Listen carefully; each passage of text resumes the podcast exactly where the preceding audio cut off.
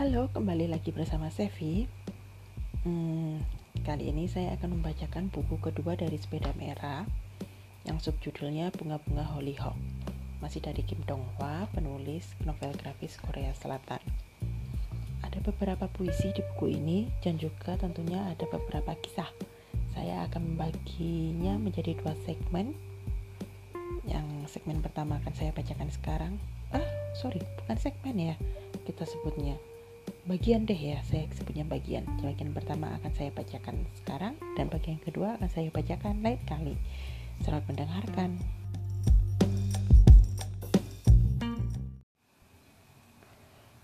Musim semi. Kusiapkan warna-warnaku untuk mengisi lembar musim dingin. Namun lukisan itu tak sempat mengering. Musim semi hadir begitu cepat. Hop hop Inilah goresan-goresan pensilku. Mungkin terlalu gelap untuk warna musim semi. Hop-hop, pensil-pensil warnaku beraksi. Azalea, magnolia, dan forsythia bermekaran. Dogwood dan sakura pun berbunga. Lalu, giliran bunga lila, batang-batangnya mengeluarkan aroma parfum. Kisah-kisah klasik sastra Korea. Ada rumah tua yang menghadap sebuah sekolah dasar. Aku mendapati diriku di dalam kulit seorang pedagang telur setiap kali aku baru mengirim surat ke alamat ini. Aku serasa mendapati diriku di dalam novel Ju Yosop, sang tamu hotel dan ibuku. Aku menantikan kesempatan melihat si janda muda di novel itu melalui pintu kayu yang berat. Antara pusat kota dan Yawari ada restoran kecil yang tidak terlalu berkesan. Tempat itu bagaikan wanita tua kecil yang keriput. Meski begitu, dulu restoran itu adalah toko makmur yang ramai pada hari-hari pasar. Pemiliknya sudah berganti, dan atap jeraminya telah digantikan seng. Tapi ini sempurna sebagai latar novel Hagen Chan yang berjudul Dua Generasi Bernasib Malang. Dapat kubayangkan Pak Mando dan putranya Jinsu menikmati semangkuk mie. Pada musim semi, bukit-bukit Yahwari diselimuti bunga-bunga kuning. Ketika malam menjelang, bunga-bunga itu berkilau bagaikan butiran garam di bawah sinar rembulan. Dan bukit-bukit pun tampak putih semua. Kita akan menemukan pemandangan ini di dalam ketika bunga gandum mekar karya Lee Hyosok. Padang yang kita temui di gerbang masuk desa dipenuhi bunga-bunga kentang berwarna crimson dan putih.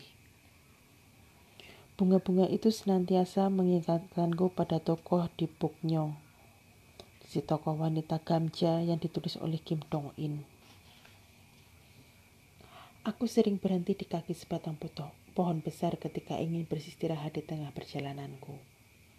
Pohon itu mengingatkanku pada pohon silkova muda karangan Kang Sinje yang menceritakan kisah cinta terlarang antara seorang pemuda dan adik tirinya.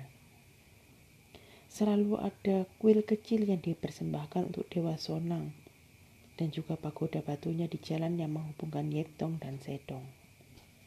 Lalu, aku mencari sepasang mata Sunyi yang mendoakan kepulangan suaminya ini pemandangan yang cocok untuk Sun Huang Dang, karya Jong Bisok. Ketika aku memandang langit usai perjalananku hingga larut malam, tampak seraut wajah tersayang di antara bintang yang menghiasi langit. Itu wajah si adik perempuan dalam bintang-bintang karangan Huang Sungbon.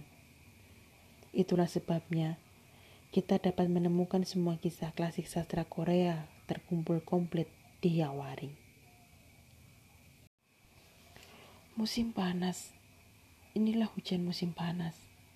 Batu-batu besar di tepi sungai kita jadikan titian. Bong, bong, bong. Betapa senangnya melompat dari batu ke batu. Hujan reda, mentari terik bagai sengatan lebah. Di bawah pohon besar kita berlindung agar tidak terbakar. Bong, bong, bong. Betapa senangnya melompat dari bayangan ke bayangan.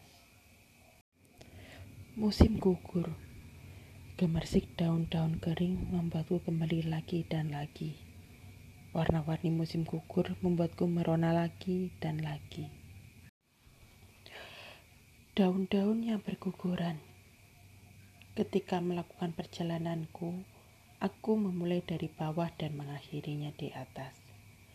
Daun-daun yang berguguran melakukan perjalanan jauh menyusuri aliran air. Daun-daun itu bagaikan serangkaian surat yang mengumumkan kedatangan musim gugur. Mereka bagaikan undangan dedaunan musim gugur yang dinantikan. Seseorang dengan sabar mengumpulkan semua pesan-pesan cinta ini untuk mengungkapkan apa yang dirasakannya. Musim gugur adalah waktu yang ideal untuk memberi kabar satu sama lain. Sang penyair desa menerima banyak surat pada musim gugur. Secara rutin, dia meninggalkanku sepotong puisi di dalam kotak suratnya untuk mengucapkan terima kasih. Namun, tidak ada sebaik pun puisi untuk hari ini. Kotak suratnya hanya berisi sehelai daun kering. Dia pasti sangat sibuk. Atau mungkinkah dia tengah bepergian? Oh, dia telah menuliskan sebuah puisi untukku di daun kering itu. daun-daun yang mati. Simon, ayo ke hutan. Daun-daun berguguran. Daun-daun itu menutupi lumut-lumut bebatuan dan jalur setapak. Simon, apakah kau menyukai keresak kaki di atas daun-daun yang berguguran? Warna-warna daun-daun itu sangat lembut. Suaranya berisik, tergeletak di tanah yang gembur. Simon, apakah kau menyukai suara jejak kaki di atas daun-daun yang berguguran? Daun-daun itu memberi kesan duka mendalam pada saat senja, menjerit sangat pelan ketika angin berhembus kencang. Simon, apakah kau menyukai keresak kaki di atas daun-daun yang berguguran?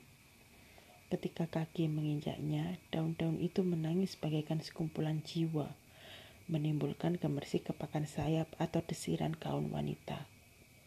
Simon, apakah kau menyukai kerasa kaki di atas daun-daun yang berguguran? Ayo, kita nikmati daun-daun berguguran yang malang itu. Ayo, langit telah menjelang dan angin sudah menerpa. Simon, apakah kau menyukai kerasa kaki di atas daun-daun yang berguguran? Itu adalah daun gugur terindah di Yahwari tahun ini.